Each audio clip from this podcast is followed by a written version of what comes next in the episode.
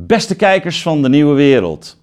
Voordat jullie dit gesprek induiken, wil ik jullie graag wijzen op onze decemberactie. Wij kunnen onze programma's alleen maken dankzij kijkers zoals jullie.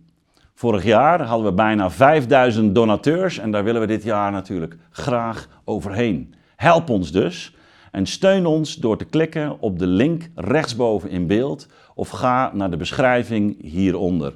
Ik dank jullie bij voorbaat van harte. Welkom bij de Nieuwe Wereld. Mijn naam is Marty Stekkers en mijn gasten vandaag zijn Hester Baes en Wink Sabé.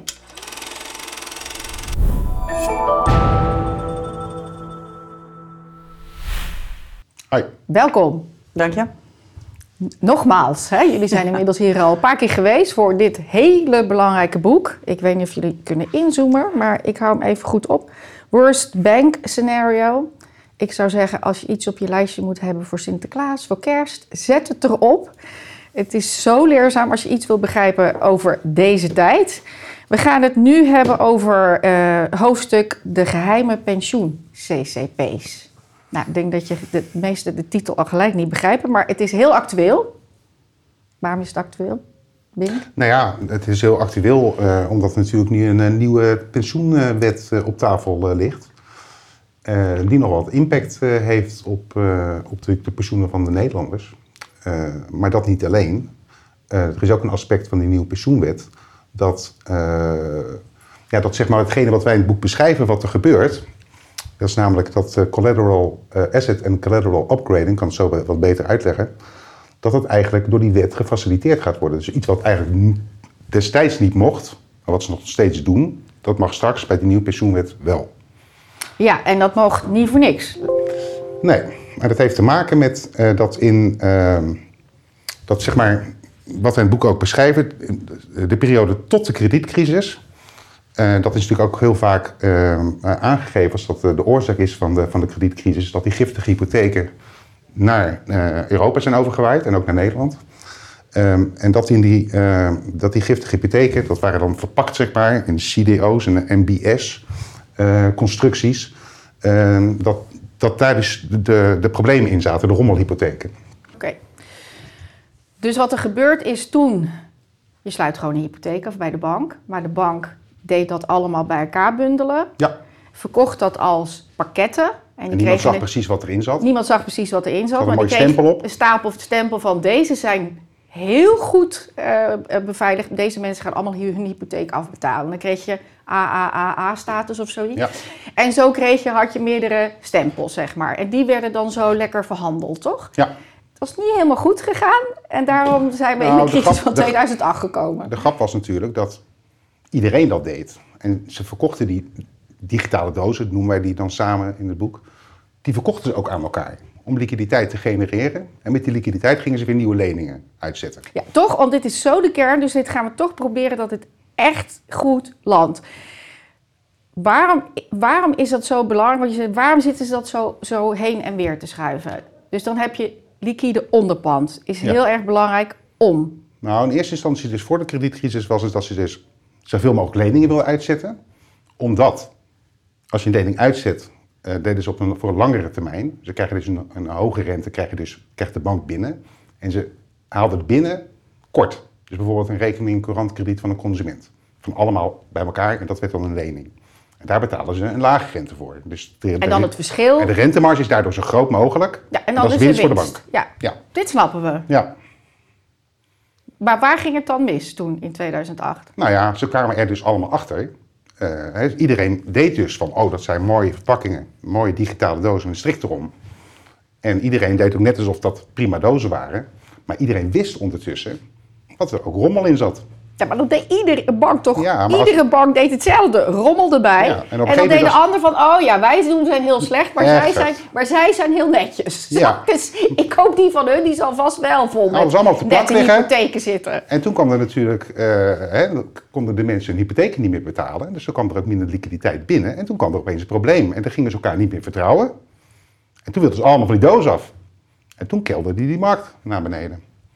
En dat was de crisis van 2008. Ja. En dat wordt dus omschreven als de, als de oorzaak van de kredietcrisis van 2008. Terwijl de kern, die zit dus in de stap daarvoor. En dat is over dat lang uitlenen en kort aantrekken. Want dat, om dat te doen, hebben dus een liquiditeitsrisico en een renterisico. En dat moeten die banken afdekken met rentederivaten. En dan komen die rentederivaten in het spel. Ja, en dan, gewoon toch nog even Ja. lang, lang, want hypotheken, je krijgt dat pas in 30 jaar terug bijvoorbeeld. Ja, of 10, 15 jaar, een of 10 jaar terug. bedrijfsfinanciering. Ja. Hè, dus maar je verdient er lekker op. ja, Je moet daar geld. kort aantrekken. En het, is het risico, er zijn dus twee risico's, wat ik al zei. Je hebt een renterisico en een liquiditeitsrisico. Het renterisico is dat op het moment Dat rente dat- de rente die jij krijgt voor je lang uitgeleende geld lager is dan, het, dan de rente die jij moet betalen om dat kort aan te trekken, ja, dan verlies je natuurlijk gelijk alles in één keer. Dus dat renterisico dekken ze af met een derivaat. Want op dat moment zet je dat zeg maar vast. Dan is dat risico dus verminderd. Nou, dit, dit is volgens mij goed te begrijpen voor iedereen. En dit is best een hele rode draad door jullie boek. Ja. En dat is, hoe vindt, vinden de banken eh, liquiditeit onderpanden? Hè, dus dan is het eigenlijk, en dat zit dan in hele moeilijke constructies, zoals dit nu ook bij de hypotheken gebeurd is. Maar daar vinden ze dan volgens mij allerlei slimmigheden voor. Ja, Ja, en Zie het is eigenlijk goed? tot de, tot, de, tot de kern eh, afgepeld gaat het dus eigenlijk om rentemanagement. Dus de bank heeft eigenlijk allemaal eh, langlopende ver- eh, eh, vorderingen hè, op, die, op de klanten die, die zeg maar 4% over een lening betalen, maar die kortlopende verplichtingen. Pensioenfondsen hebben langlopende verplichtingen. En die eh, gaan ze, hè, de, de rente gaan ze dus met elkaar ruilen. eh, eh, deels, eh, zodat eh, eh, eh, dat het risico voor een deel is afgedekt. En dat, dat, dat heeft dus te maken met eh, eh, dat ze eigenlijk allebei een tegenovergestelde rente, ja, visie, re- renteverwachting Belang. hebben. Belang, ja. Ja. De een plus, de ander min. ja. Nou, win-lose is het dus. Ja. Ja. Ja. Maar en dat is, dat is denk ik ook heel goed om te realiseren bij dit hele eh, handel in die afgeleide producten, hè, die derivaten. Dat het, het, ze noemen dat zero sum. Dat betekent dus dat waar de een wint, verliest de ander. Dus er moeten mensen tegenovergestelde verwachtingen hebben. De een denkt dat een prijs gaat stijgen en dat kan de rente zijn, maar je ziet dit probleem ook bij als je eh, gaat, eh, eh, ja, afspraken maakt over gasprijzen, over hè, dus alles wat je niet zelf de onderliggende product levert, maar alleen maar over die prijzen afspraken maakt, dat afgeleide product, de derivaat, dan krijg je dat te maken dat in de tussentijd die prijs gaat, ja, gaat fluctueren. En dan ligt er bij één van die twee partijen een risico en die moet dat afdekken met hoog liquide onderpand. Dus dat is eigenlijk ehm, ja, de, de, helemaal de kern afge... Ge, eh, helemaal tot de kern. Ehm, waarom het dus ook belangrijk is nu dat je dus dat nu ook die discussie bij die pensioenfondsen zit. Omdat die banken ehm, uiteindelijk die producten dus sluiten met eh, die partijen die dus die tegenovergestelde rentebelang hebben. En dat zijn dus die pensioenfondsen en die verzekeraars. Ja, dus ik heb het voor mezelf geprobeerd nog simpeler te beschrijven. Ja, nou, heel fijn, heel fijn. Dan kijken of ik mijn huiswerk goed heb gedaan. Eh, Dus de banken hebben voor een tekort aan liquiditeit... gebruiken ze de pensioenen eigenlijk als een soort ja, over... Nou, je moet het, het heeft een iets langere aanloop, heeft dit. En dat heeft te maken met wat ik net zei. Hè, dat je dus die, met die derivaten moet je dat dus gaan, eh, gaan afsluiten.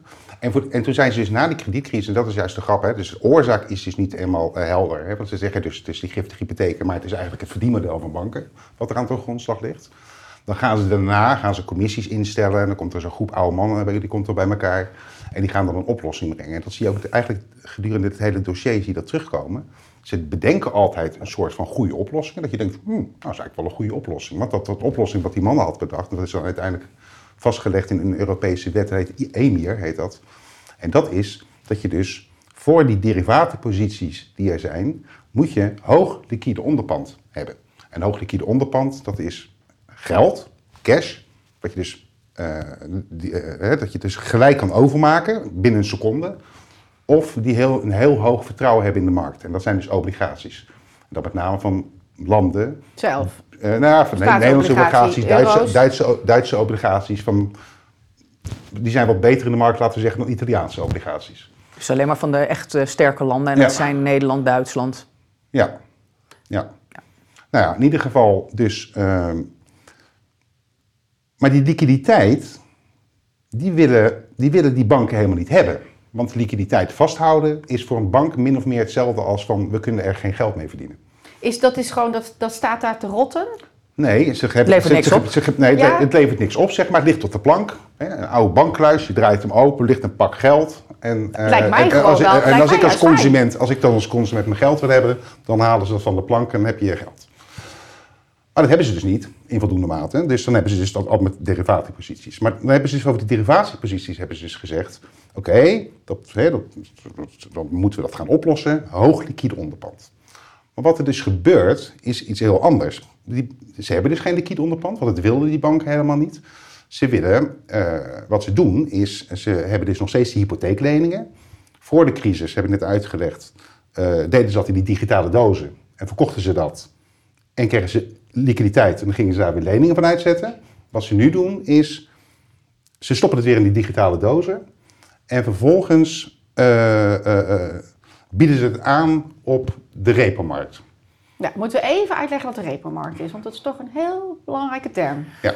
Ja, de repomarkt is een, eh, een eh, markt die dus met dit product eh, is gaan groeien. Dus eigenlijk vanaf eh, de, de eeuwwisseling, ehm, eh, hè, op het moment dat eigenlijk dat besef stond dat die liquiditeit eh, wel nodig is, eh, is dat eh, eh, ontstaan. Dat is een, eigenlijk een niet echt transparante markt. Hij staat tegenwoordig wel onder toezicht of meer onder toezicht.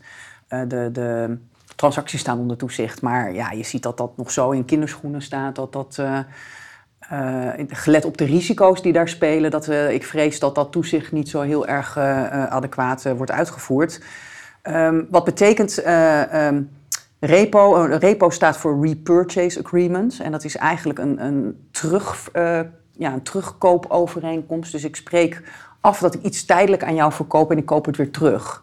Als ik En- zeg interbankair, dat is, het is toch vooral tussen de banken. En, en, ja, en tussen, in de, het is eh, interprofessioneel, dus het is tussen banken, maar ook verzekeraars, pensioenfondsen. Ehm, en het is, ehm, die, die, die producten die, die zijn, eh, ja, de, de vraag is van waarom eh, doe je dat zo ingewikkeld? Koop je hè, verkoop en terugkoop, want eigenlijk leen je dus gewoon geld in, in ruil voor onderpand. Ehm, maar ja, dat is dus ook om dit soort producten ehm, ja, ingewikkelder te maken en eh, niet heel duidelijk te zijn dat je dus gewoon geld leent.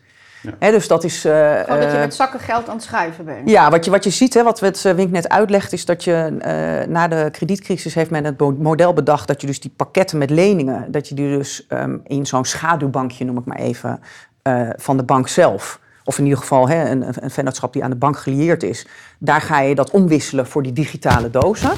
Gingen die digitale dozen voorheen, ging die schaduwbank dat zelf dus verkopen aan een andere partij. Maar nu gaat hij terug naar de bank. Dus jij neemt eigenlijk jouw eigen hypotheekleningen, maar dan in de vorm van effecten. Die effecten krijgen een beursnotering waardoor ze verhandelbaar zijn. Dus al die verpakte hypotheekjes zijn in één keer in die digitale dozen verhandelbaar. Dus dan is het eigenlijk al een soort van ja, andere eh, activa. Ehm, en vervolgens worden die dus op die, nou, op die tweedehandsmarkt of op die repo-markt, eh, gaan ze die in onderpand geven in ruil voor geld. En dan hebben ze dat geld. En het, het voordeel, ze hebben dat balanstechnisch zo geregeld dat, dus dat die digitale dozen wel op hun balans mogen blijven staan. Want ze, eh, eh, formeel hebben ze dus nog die, die digitale dozen. Maar tegelijkertijd krijgen ze dus ook dat geld voor, voor, ehm, eh, in ruil. En dat geld dat kunnen ze gebruiken als onderpand voor die derivaten. En dat is wat wij in het boek omschrijven. Hè. Van eerst doe je asset upgrading, dus je hypotheek wordt, eh, je verpakte hypotheken worden verpakt en worden effecten, verhandelbare effecten. Vervolgens krijg je collateral upgrading, want je gaat dat eigenlijk, hè, die, die, ehm, eh, die, eh, ja, eigenlijk die, dat onderpand wat voor die OTC-derivaten is, daar, daar zijn weer die CCP's, hè, waar we het vandaag over hebben. Dat, dat zijn gereguleerde grote interprofessionele instituten. En die willen dus niet die verpakte hypotheken juist, omdat ze zo risicovol zijn. Dus, ehm, nou ja, wat Wink zegt, het is, hè, het is mooi bedacht. Je gaat een instituut opzetten waar je dus eh, eh, eh, prachtig eh, liquide, hoogliquide onderpand krijgt. Alleen, dat instituut gaat dus ook zich bemoeien met die repo-markt, waarbij dus die stukken worden eh, omgeruild voor dat, voor, dat, cash. Dus eigenlijk, ja, in, in mijn ogen, als je zegt, mm, sorry, als je zegt van ik heb op mijn eh, balans eh, verpakte hypotheken staan en vervolgens eh, ga je die ver- eh, zelf verpakken eh, voor die effecten en die effecten zet je weer op je balans. Ja, Hester, je bent me nu toch kwijt. Ehm, ja, Ik bedoel, dit zijn... Ik begreep Wink nog net, zeg maar. Maar dit, dit is zeg maar zo ver dan, van mijn bed en ik denk van iedereen zijn bed. Je, je sluit gewoon een hypotheek af. Je ziet gewoon nog een bank voor je, inderdaad, met een kluis met geld. En dit wordt zo verknipt en, en naar een beurs toegebracht en effecten. En ja, en daar verdient iedereen geld aan. En dat moet vooral eh, niet transparant zijn, want anders dan wil niemand dit meer. Nee, maar dat is dus duidelijk. Het is niet transparant. En jouw punt is juist, of jullie punt is, dit is niet transparant. Uh, en er wordt dus gehandeld met ons geld. Hè? Dus of het nou de pensioen is, of ons spaargeld, of onze hypotheken. En Nou, dit is, is nog- bijna niet te volgen. Het erg is eigenlijk dat ze dus doen eh, alsof het heel erg transparant is. Want ze hebben, eh, hè, ze hebben die, die, die groep met oude mannen bij elkaar gebracht, die, eh, die groep de la Rogère. En hè, die komen dus met aanbevelingen hoe dat allemaal beter moet gaan in de markt. En dan komen dat, uiteindelijk leidt dat tot, tot een Europese wetgeving, EMIR. En die zegt dus dat als je derivatenposities hebt, dan moet je daar hoog liquide onderpand voor hebben. En dat Nou, klinkt goed. Dan denk je zo, ja, dan nou, denk dat je goed nou, nee, dat is een hè? goed verhaal, die zijn goed bezig geweest. Ja, fijn dat die Eh, mensen er zo goed over ja, nadenken. dat- Mijn geld is veilig. Exact. Eh, eh, ehm, maar wat ze er dus niet eh, bij verteld eh, eh, hebben, is dus dat ehm, dat hoog liquide onderpand is er helemaal niet genoeg in de markt, om te beginnen. Er is zoveel geld, gaat er in dat kort-lang verhaal, wat ik in het begin al uitlegde, gaat er rond. Met zoveel derivatieposities tot gevolg, dat er dus een heel enorme berg hoog liquide onderpand eh, nodig is. Om dat systeem wat zij bedacht hebben, om dat te laten werken. Kijk, dit vind ik nou helder. Dit snap ik. Ja, Dus je hebt eigenlijk structureel een probleem daar. een structureel eh, probleem. eh, Wat eigenlijk van ah, voor 2008 al was. en alleen maar erger wordt.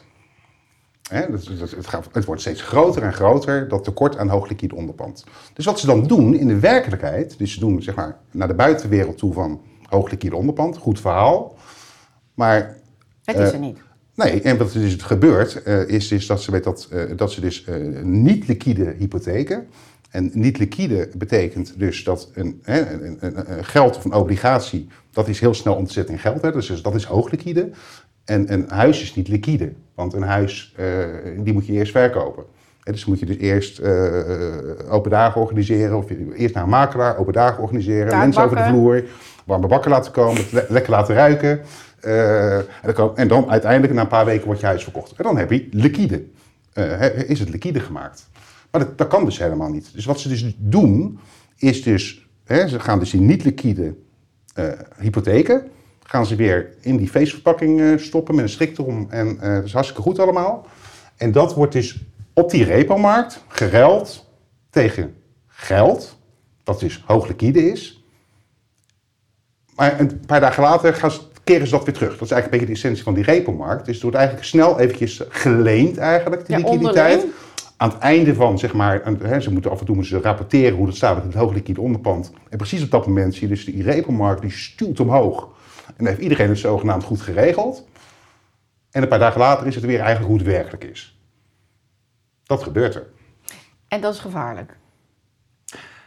Nou ja, dat is in zoverre gevaarlijk dat eh, het eh, niet het probleem oplost dat je eh, liquiditeit voldoende hebt. En dat je dus ziet dat er iedere keer een gevaar ontstaat. Dat als iedereen dat maar zelf eh, op hetzelfde moment gaat aantrekken. En als ook het wantrouwen in die markt dus weer opkomt.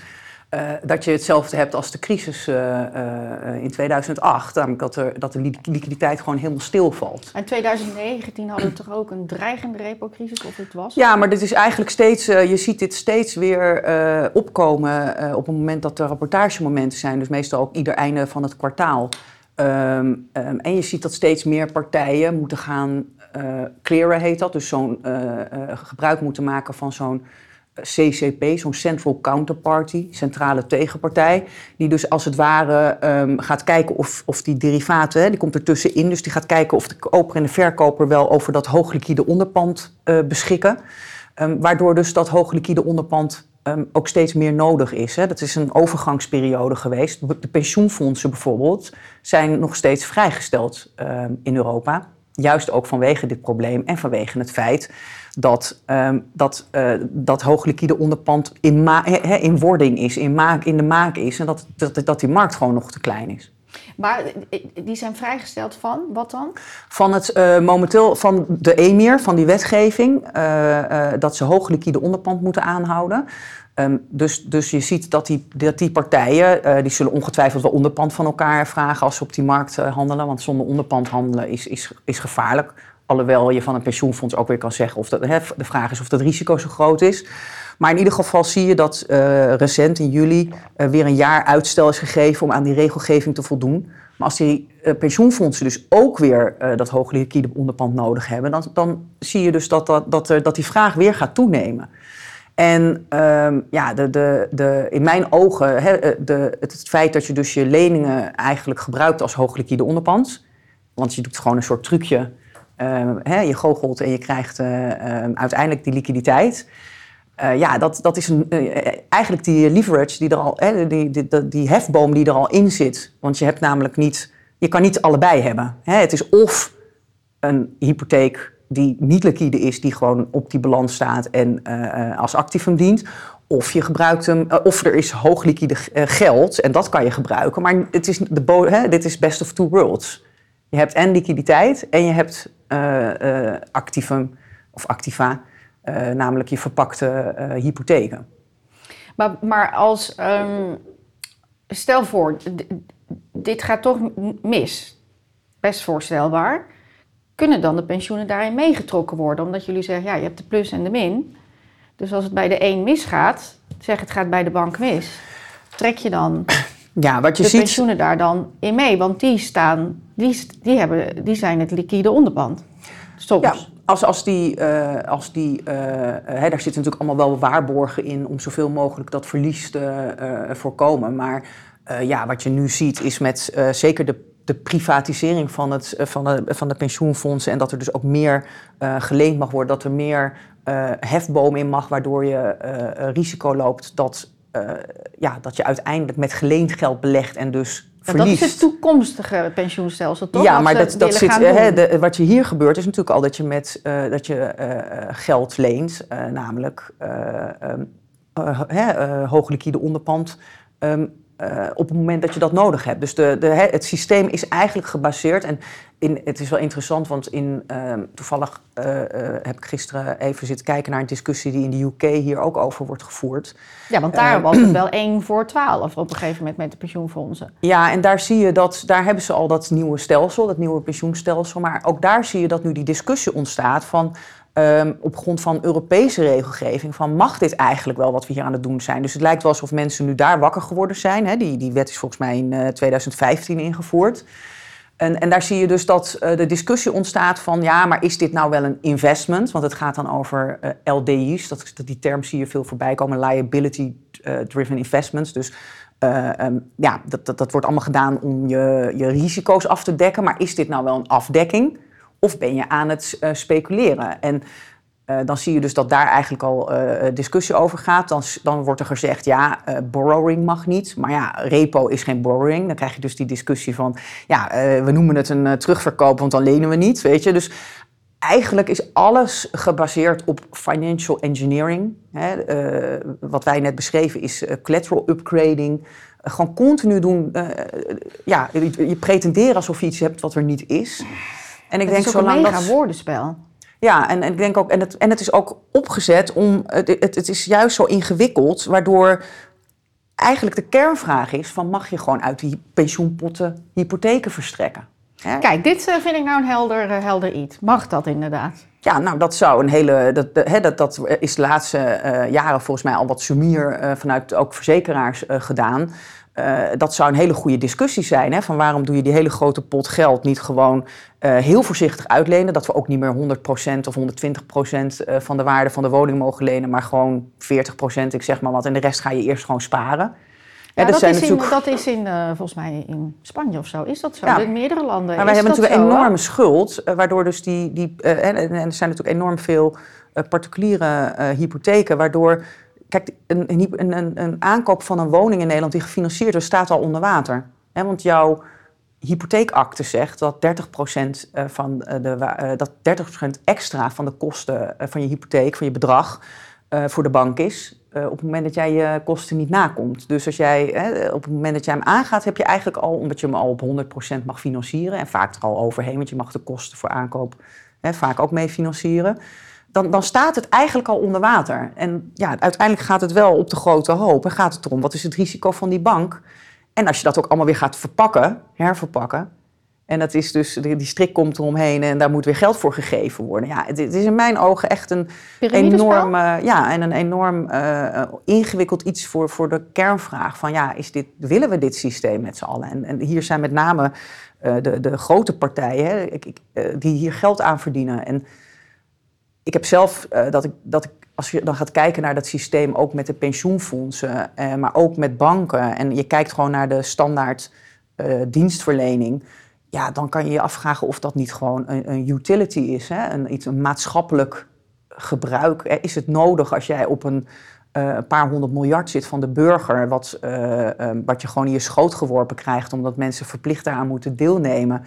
Is het dan gerechtvaardigd dat je eh, dat laat beheren met contracten die niet inzichtelijk zijn, dat er enorm hoge kosten aan vastzitten, dat er mensen daar eh 6, 7 ton per jaar verdienen, Ehm, terwijl je ja, bezig bent met iets maatschappelijks? Ja, het, wat je zou kunnen tegenwerpen van... eh, ehm, ja, maar we plussen in, in totaal plussen we.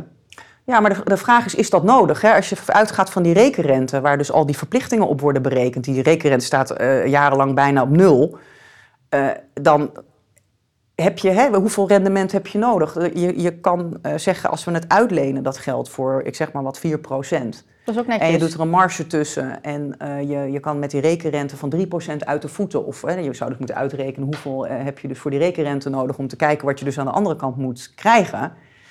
Dan zou je dat eh, eh, op die manier eh, ook kunnen inkleden. En dat is veel simpeler en conservatiever.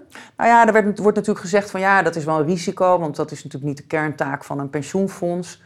Maar ja, dan denk ik nee, maar nu, dit is Wat ook is dan niet de de kerntaak? het geld bank zijn, het geld uitlenen. Dus dat is natuurlijk iets, een, een, taak die je dan wel moet, moet inregelen. Maar waar, waar het mij om gaat is dat je dus nu eigenlijk uh, hetzelfde doet. Hè. Wat je um, in Nederland ziet is dat in de, uh, de kredietcrisis die ontstaat in uh, 2007, 2008... dan is er 200 miljard tekort. En dan zie je vervolgens, een paar jaar later... dat er in één keer 200 miljard bij de pensioenfondsen tekort is. En dan zie je dat uh, er weer een jaar later een artikel verschijnt, of artikelen, waar staat van ja, eigenlijk moeten pensioenfondsen hypotheekbanken worden. Nou, en dus eigenlijk doe je, hè, zijn ze, uh, die hypotheken, dat geld moet dus uit de pensioenfondsen komen en uit de verzekeraars. En omdat dat steeds transparanter wordt, het systeem door de regelgeving, moet dat dus um, ja, steeds ingewikkelder. Want eigenlijk uh, uh, laat je dus zien dat je wel degelijk met je handen in die pot graait voor je banken. En uh, als ik het goed begrijp, Wink, zeg jij hier op het laatste van het hoofdstuk van die 200 miljoen die, of miljard, miljard ja. die jij daar. dat, dat, dat jij daar ook wel een beetje de whistleblower bent geweest, samen met Pieter Omzicht. En dat toen dat in één keer ook veranderd is. Ja, ja, en dat, de, de, de, de kern is natuurlijk, hè, wat ik net ook al probeerde uit te leggen, is, is dat het probleem gewoon niet wordt opgelost en elke keer vooruit wordt geschoven. En volgens mij noemen ze dat in de financiële wereld moral hazard. Dus elke keer gaan ze dus, hè, je, je, je, zou eigenlijk het systeem moeten veranderen. Ja, of je zo, moet die 200 miljard moeten afschrijven. Dat kunnen ze natuurlijk niet in één keer afschrijven. Dus dat... Nee, kijk, wat, wat, wat denk ik, want we, we zijn bij het hoofdstuk pensioen-CCP's. Ja. Wat de kern ja. van dat pensioen-CCP-hoofdstuk is, is dat um, er in oktober 2008 200 miljard tekort was in Nederland. Juist. Mind you, um, uh, uh, Nederland, uh, UK, Duitsland, Spanje tezamen was. Hoeveel was dat ook weer? 1320 miljard. 1320 miljard, eh, dus, dus Europees iets van 200 miljard. 2000. Men wist dat dat geld er niet was. Hè? Waarom was dat geld er niet? Omdat liquiditeit tot aan de krediet tot 2006 niet gereguleerd was. Dus um, dat was, uh, je had Basel, de regelgeving voor de banken, die in de nationale wetgeving is uh, geïmplementeerd, maar dat zag alleen maar op kapitaal. Dus op, op solvabiliteit, dat jij op lange termijn aan je verplichtingen kan voldoen. En men bleef juist altijd van die liquiditeit weg, omdat liquiditeit dus niet interessant is voor die bank.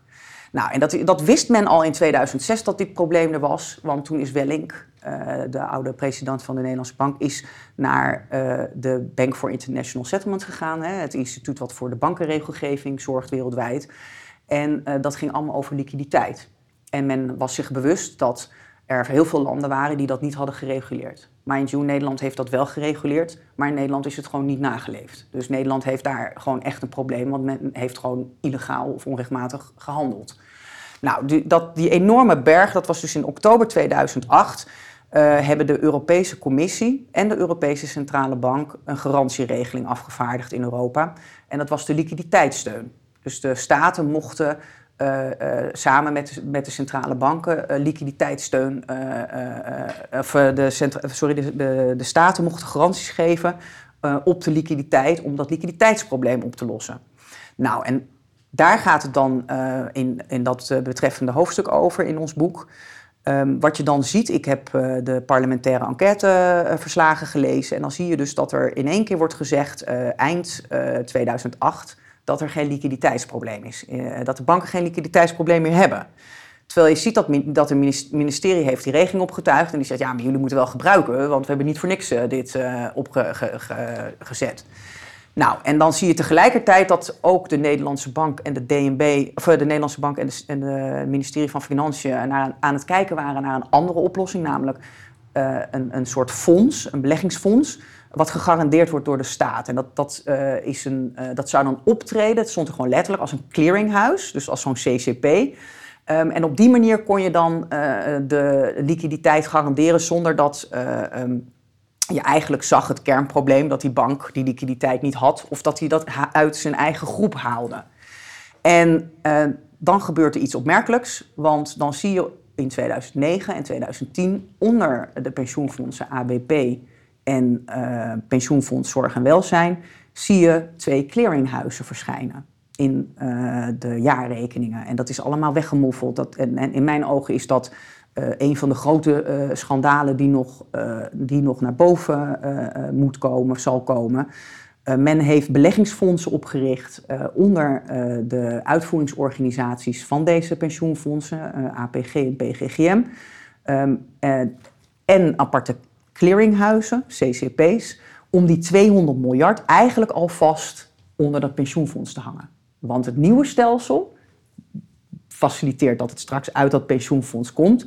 En waarom zou je van de overheid uh, lenen, hè, overheidssteun krijgen? Uh, dat is heel vervelend, staatssteun, want dan mag je, krijg je allemaal beperkingen als bank, mag je geen uh, bonussen uitkeren. Mag geen dure auto rijden. Waarom zou je dat aan de staat vragen als je zo'n hele grote pot pensioengeld hebt? Dat, dat dient als hoogliquide onderpand.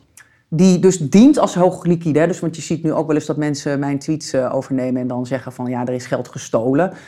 Er is geld gebruikt. Dus hè, wordt, het loopt door dat pensioenfonds heen. Uh, het, uh, hè, mensen zeggen ook van ja, maar het zijn aparte vehicles. Nee, als je de, de jaarrekeningen kijkt, dan zie je dat, daar, dat dat geconsolideerd is. Dus dat wordt wel degelijk meegenomen in die pensioenfondsen in mijn ogen verklaart dat ook waarom er honderden miljarden bijgekomen zijn en weer uitgegaan zijn. En die honderden miljarden hebben natuurlijk ook weer invloed gehad op de indexatie, et cetera. Dus als we daar allemaal niet transparant over zijn, dan, dan, dan kunnen we ook niet eerlijk zeggen van hoe moet dat nieuwe stelsel eruit gaan zien en hoe moet het nieuwe financiële systeem eruit gaan zien. Ja. En dat is eigenlijk een beetje wat we, ja, wat we hiermee proberen open te gooien. Van ja, weet je, dan, dan ga je met z'n allen uh, um, dit verbergen. Er worden allemaal mensen die, hebben, die zijn klaar met een klusje, die krijgen een afkoopsom.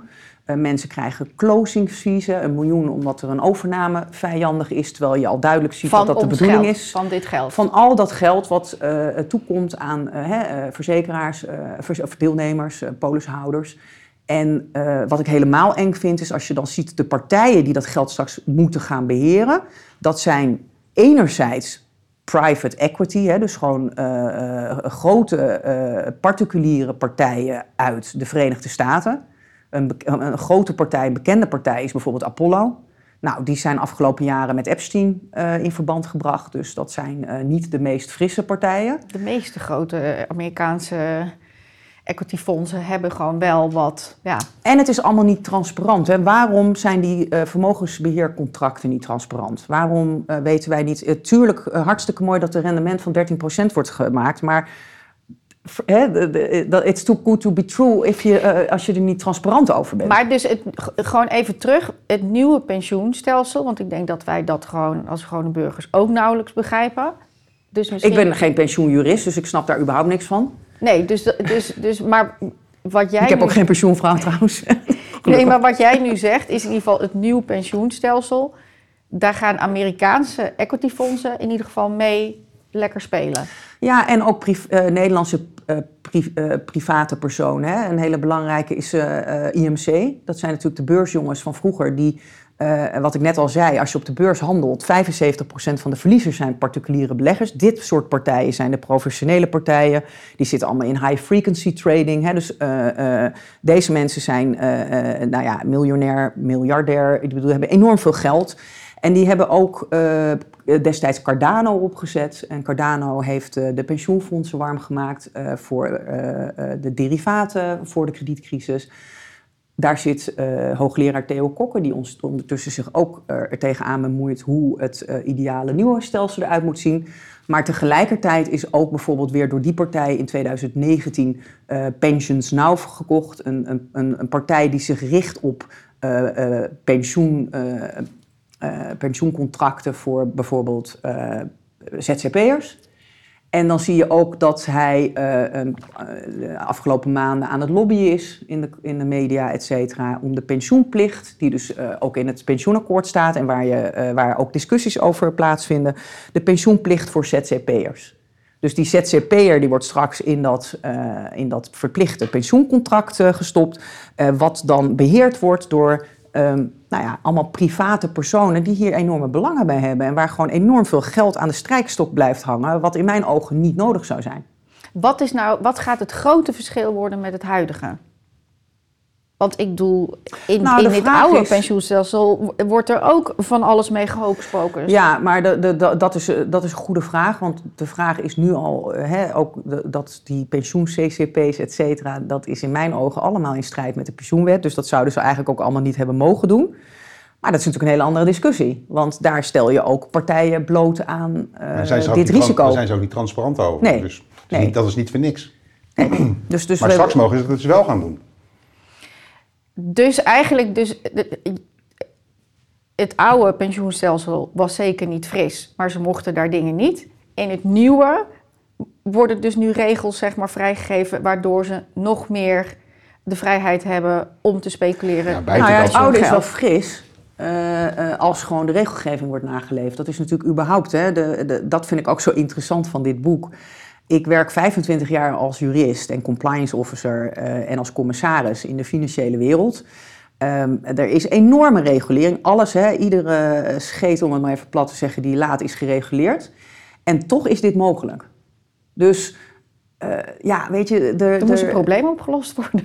ja, maar dat is iedere keer. Hè, als het probleem. eh, het wordt eerst heel groot opgebouwd. Het gaat om veel geld. Het gaat om macht. En dan is het probleem eigenlijk altijd te groot. Hè, too big eh, to Ja. fail. Too big to jail. En dan gaat een hele club eh, eh, mensen dit onderling met elkaar regelen. En daar zit, wat mij betreft, ook het probleem. Want. als je dat onderling doet, ja, dan hoef je niet overal ook nog eens een keer zakken te vullen met afkoopsommen, et cetera, en met deeltjes. Hè. Dus, dus het is ook dat wat niet transparant is. Ja, het, het is, het is een, een, een pervers. Eh, Nou ja, het probleem wordt gewoon niet opgelost. Wat ik net al zei met die moral hazard. Dat wordt elke keer vooruitgeschoven. Tot nu, zeg maar, hè, met, die, met die eurobonds. Dat is natuurlijk weer het nieuwe verhaal. Met de Next Generation EU. Die natuurlijk ook allemaal leuke projecten uh, bedenkt. 21 miljard, wat was het ook alweer? Ja, enorm bedrag in ieder geval. Maar weet je, dat wordt dan weer gebruikt als hoogliquide onderpand. 800. 800. Als, als, coronafonds, toch? Dat... Het is, al, eh, het is al voor die tijd, het is in juni 2019 al eh, eh, op de aanbevelingen van eh, de landen moeten ze dit doen. En dat ligt al veel langer. Ehm, sterker nog, eh, het is al eh, vanuit de, de, de, op, mede opgezet vanuit de kredietcrisis, omdat deze obligaties dienen als hoog li- liquide onderpand. Dus die moeten die gaten gaan vullen. En eh, ja, dan moet je wel, eh, eh, als je extra schulden gaat creëren voor dit probleem, dan moet het natuurlijk wel economische groei opleveren. Want anders krijg je een probleem met je inflatie, et cetera. En dat is denk ik ook waar men toch zich heeft verkeken op hoe zo'n systeem werkt en of dat systeem helemaal transparant is. Ik denk dat men heeft gedacht van, nou oké, als we dat goed op elkaar laten aansluiten, dan zal het wel meevallen met die inflatie. omdat het geld eigenlijk dus niet... Dat, dat hele ECB-opkoopprogramma, wat dus uh, in de tussentijd... Want ja, dat is misschien wel even goed om er nog bij te vertellen. De, die garantieregeling die we, waar we het net over hadden, die eindigde in 2010. En toen is in 2011 door de ECB het noemen wij onderpandloket opengezet. En is de, ECB, ja, is de ECB dus geld gaan verstrekken in ruil voor dat mindere onderpand. Dus is eigenlijk die repo-markt is bij de ECB gestart. Tegelijkertijd was, is het uh, opgestart om in Europa die kapitaalmarktunie, hè, dus die Europese obligaties uit te gaan geven.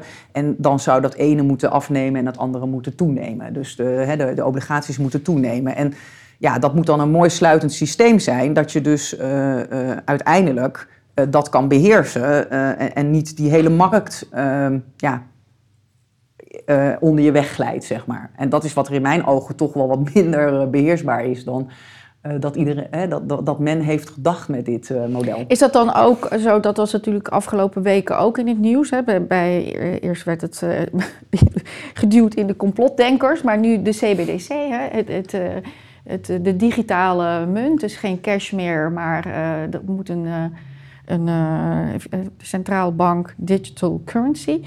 Ehm, heeft dit dan daar ook mee te maken?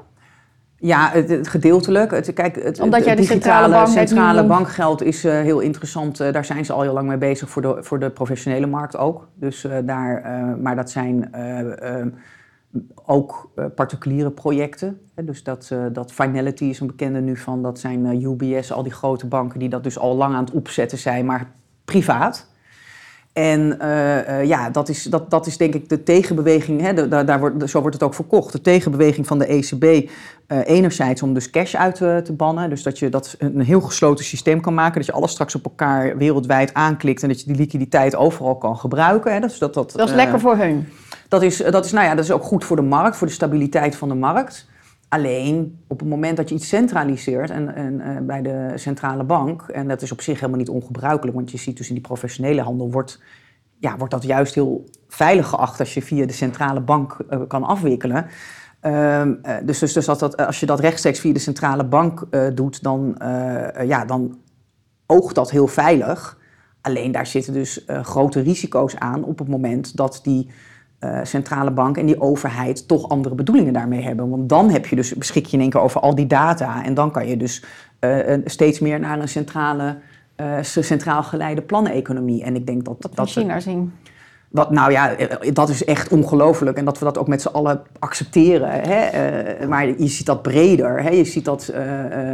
je ziet dat dat natuurlijk... Data is het nieuwe goud. Dus, dus dat zie je eigenlijk al heel lang gebeuren, ook al privaat. En ik denk dat je juist uh, uh, toch moet kijken hoe je voorkomt dat dominante partijen, uh, of partijen dominant worden en daardoor dus die data te veel op één plek centraal terechtkomen. Want dan krijg je dat daar machtsmisbruik van gemaakt wordt. Net als dat bij geld gebeurt en dat dat overal gebeurt waar machtsconcentratie. maar waarom komen ze daar nu mee? Is dat toch om mede dit probleem op te lossen? Buiten, of is het echt gewoon om al die data naar je toe te trekken? Uh, het is en, en, en. Hè. Het is nu uh, big tech, big pharma, big finance. dat zijn de, ik vergeet volgens mij nog één. Ja, food. ja, weet je, dus alles is, uit elkaar aan, is uiteindelijk aan elkaar gelinkt. En het gaat om, om het gedrag van die consument zoveel mogelijk te kunnen sturen en te beïnvloeden. Nou ja, dan moet je weten dus waar zijn geld aan besteed wordt. wat je doet, wat je kijkt. ja, dat is... Dat is Um, uh, dat is zeg maar de, de, nu het. Uh... Ja, dat is dat deel. Maar je, je, zegt ook het is en en en, dus dat is dat deel. Maar heel dat liquide onderpandprobleem, hè, wat, wat je ook aanraakt hier in het boek, dan gaat dat erover. Is, dat, is, is die CBDC ook om dit dan dus mee op te lossen? Nee, niet direct. Het is, het is met name uh, voor, uh, denk ik, interessanter voor het, uh, het, gedrags, het gedragsaspect en, en het voor de wholesale kant, dus het, het, afwikkelen via die centrale bank. En daarmee wordt het wel relevant, omdat je steeds, uh, hey, je kan ook kijken dat er steeds minder weglekt. Dus dat, dat er steeds, die, die, je wil uiteindelijk zorgen dat dat geld allemaal binnen dat systeem blijft en dat het dus overzichtelijk is waar het zit, zodat je die risico's zoveel mogelijk kan beheersen. En de risico's van crimineel geld? Ook. Of van welke risico's? Nou ja, dat is de ene kant. Hè. Het is het risico dat je, eh, het moeilijker wordt om zwart geld bijvoorbeeld eh, te verdienen en uit te geven. Ja, maar hier wordt heel veel geld uitgegeven. Strijkstokken. Waar Ja. zitten de waar zitten Nou de ja, en dat is ook, de, dat is ook de, de, het weerwoord van dat je tegelijkertijd dat, dat die markt eh, groot is, maar ook weer niet zo groot als je ziet wat hier allemaal aan de Het is strijkstok alles een blijft. Dus zeg, ik, ten opzichte van pepernootjes, ten opzichte van wat hier gebeurt. Dus Ja, voor, ze- aan, ja. welke, aan welke is het strijkstok blijft iets hangen. Dus Nou ja, en het gevaar is ook dat je daarmee ook, hè, dat er, eh, eh, als je uitgesloten wordt of als je dingen niet mag, dat, het dan, dat je dan ook meteen eh, niks meer kan. Hè, wij zijn natuurlijk wel heel erg, eh, eh, en een democratie, althans het is het uitgangspunt en de gedachte dat je vrij wil zijn. En eh, die vrijheid wordt steeds meer beperkt als je dit soort eh, eh, basis, ja, de, de, betalen, dat soort basisbehoeftes eh, gaat eh, centraliseren. toch afsluitend. Zouden jullie toch, want ik doe, dit is denk ik goed te begrijpen, die CBDC, maar toch even waar, proberen afsluitend, waar moeten we op letten bij die nieuwe pensioenwet? Waar, waar als gewone leek, waar, waar zit het gevaar? Wat, wat is... Nou, ik zou die wet eh, er niet doorheen eh, geramd eh, of gedrukt willen zien. omdat ik nu het idee heb dat die wordt doorgedrukt. Omdat eigenlijk wat het bankenmodel 3.0, eh, wat wij beschrijven in ons boek... dat dat eigenlijk alleen maar mag functioneren onder de nieuwe wetgeving. En dan is het volgens mij nog steeds de vraag of het mag. Want daar zijn ook al Europese discussies over, dan weet ik uit de UK. Ehm, maar dat men sowieso, hè, als nu bekend is dat dit boek er is en dat er dus 200 miljard eh, liquiditeit al onder die pensioenfonds is gehangen, dat dat een enorme invloed heeft gehad. Eigenlijk schrijven wij in deel 6 van het boek dat het marktmechanisme kapot is. Dat dat invloed heeft op de eh, eh, euro, dat het invloed heeft op, de digitale munt die je kiest. Eigenlijk, moet je eigenlijk zou je nu toch het systeem moeten aangrijpen, de, de, de, de crisis hè, die, waar we eigenlijk ons al in bevinden, moeten aangrijpen om te zeggen, oké, maar hoe moet dat systeem er dan uitzien? En eh, er is enorm veel kennis in Nederland. Ik heb afgelopen maanden enorm interessante gesprekken gehad. En, en Jij zit ook in Eh, allerlei denktanks, ook internationaal. ja, je, ja, je spreekt veel mensen. Er is, echt, eh, hè, er is echt veel kennis. Alleen, dan moet je transparant zijn. Dan moet je je kaart op tafel leggen. En dan moet je ook kijken van wat is er goed voor iedereen. Hè? Wat is er goed voor de burger. En niet alleen maar goed voor de elite. Nee, maar goed, en wat goed is voor de burger is dat het gewoon meer eenvoud. Hè? Ik bedoel, mensen Ja. zeggen dan, ja, het is een, best wel een ingewikkeld boek. Ja, maar dat, is het ook. Dat zijn Maar- de producten die ja, zo gemaakt zijn. Het, is echt ondergrondelijk eh, geworden natuurlijk. En ja, de meeste mensen die hebben daar natuurlijk ook helemaal geen behoefte aan. Nee. Die willen gewoon veilig hun geld eh, kunnen stallen als ze dat willen.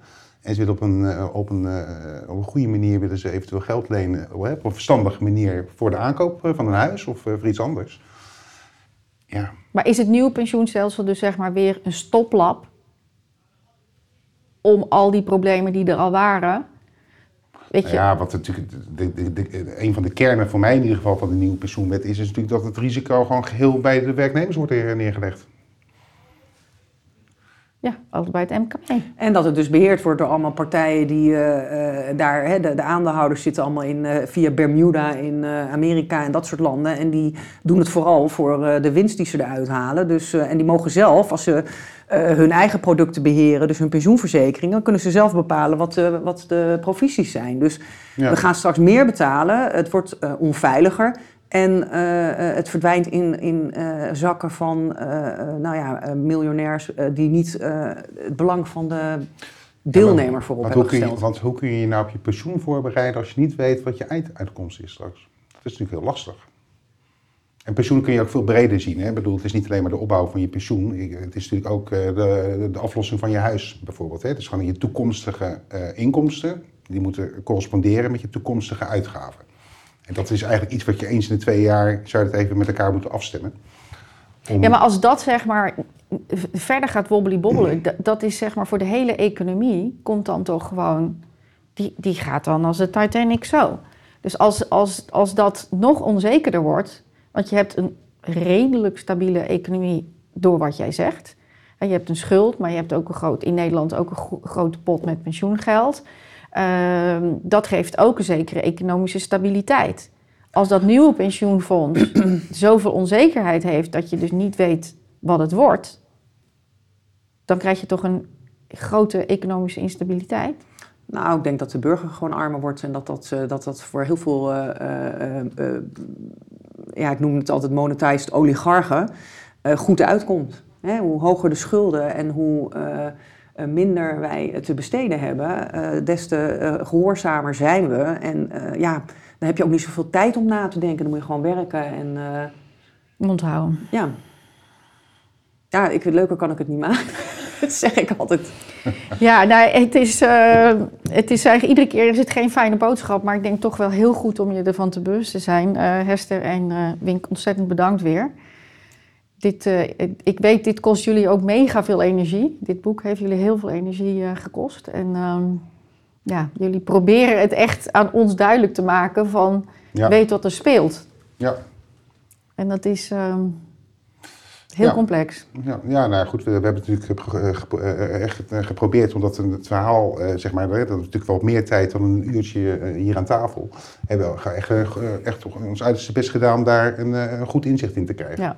Nou, ik denk iedere geïnteresseerde burger in Nederland moet dit boek gewoon lezen. Dat Nou ja, het mijn- helpt wel, want ik, dat, ja, dat is wel de, de feedback die we natuurlijk wel soms krijgen. Eh, we hebben hier natuurlijk al een paar interviews gedaan, maar er staan van mij eh, veel meer interviews. En ik denk toch, ik, ik hoor nu van mensen, ook mijn oude interview wat ik al te, eind 2019 met Arno Wellens bijvoorbeeld had over die 186 miljard en waar Pieter Omzicht ook vragen over heeft gesteld.